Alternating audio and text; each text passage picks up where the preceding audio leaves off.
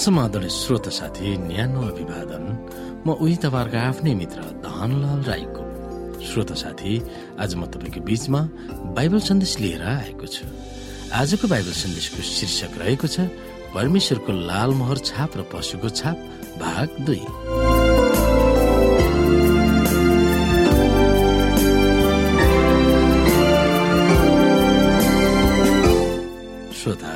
यस परमेश्वरको लाल मोहर छाप र पशुको छाप भाग दुईमा हामीले विशेष गरिकन अध्ययन गर्नुपर्ने बाइबलका पदहरू रहेको छ।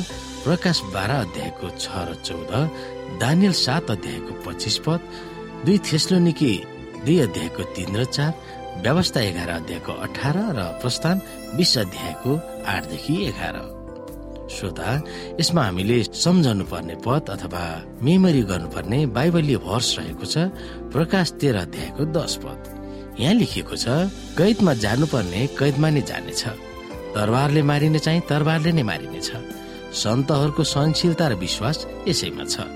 श्रोता पन्ध्रौं शताब्दीतिर उत्तर इटालीको आल्प पहाडको पिएटमन उपत्यकाहरू वाल्डन सिसहरूका घर थिए। तिनीहरूले बाइबलको ज्ञानमा आफूले बुझेको अनुसार चल्न र त्यसकै विश्वासमा अडिक भएर बस्ने अठोट निर्णय गरेका थिए। ख्रिसप्रति तिनीहरूको अटल वफादारीले गर्दा तिनीहरूलाई भयानक सतावट दिएको थियो।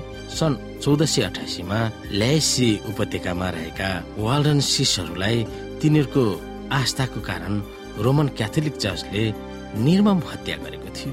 सत्रौं शताब्दीमा अर्को सतावटको बाढी आएको थियो। सिभोईको राजकुमारले तिनीहरूको क्षेत्रमा आठ हजार सैनिकहरू पठाएको थियो। तिनीहरूको घरमा आफ्ना सिपाहीहरूलाई बस्न देऊ भनेर माग गरेका थिए। तिनीहरूले ती सिपाहीहरूलाई बस्न ठाउँ त दिए तर ती वाल्डेन सिसहरूलाई हत्या गर्ने त्यो रणनीति थियो। सोह्र सय पचपन्न अप्रिल चौबिसको बिहानै चार बजेतिर सिपाहीहरूले मानिसहरूको आम हत्या गर्न सूचना थियो त्यसबेला ती रोमन क्याथोलिक चर्चका मतियारहरूले चार हजार भन्दा बेसी मानिसहरूको निर्मम हत्या गरेका थिए। दुर्भाग्यवश इतिहास प्राय जसो फेरि दोहोरिन्छ। पशुको छाप यो भविष्यवाणी हो।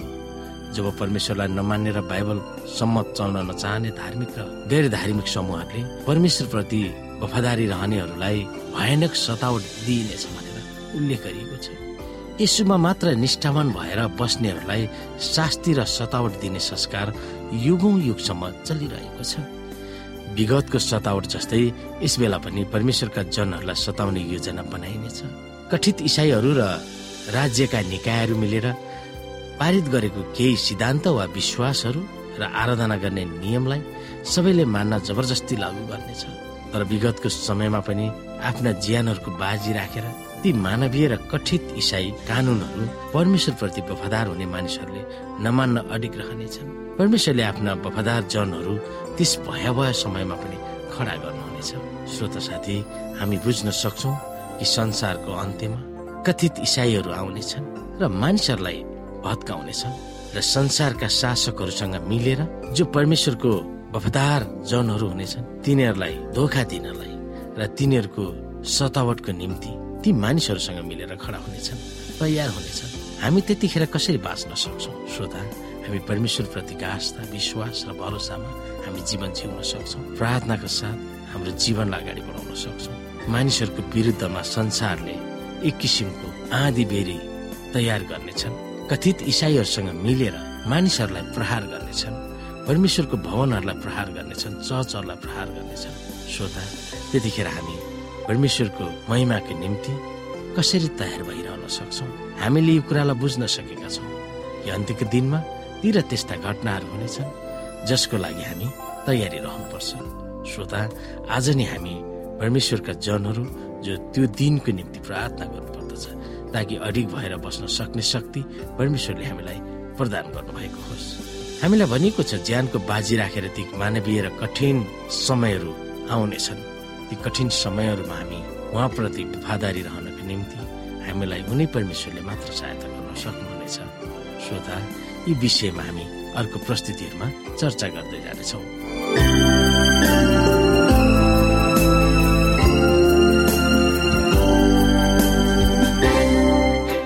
आजको लागि बाइबल सन्देश यति नै। हस्त नमस्ते जय मसिंह।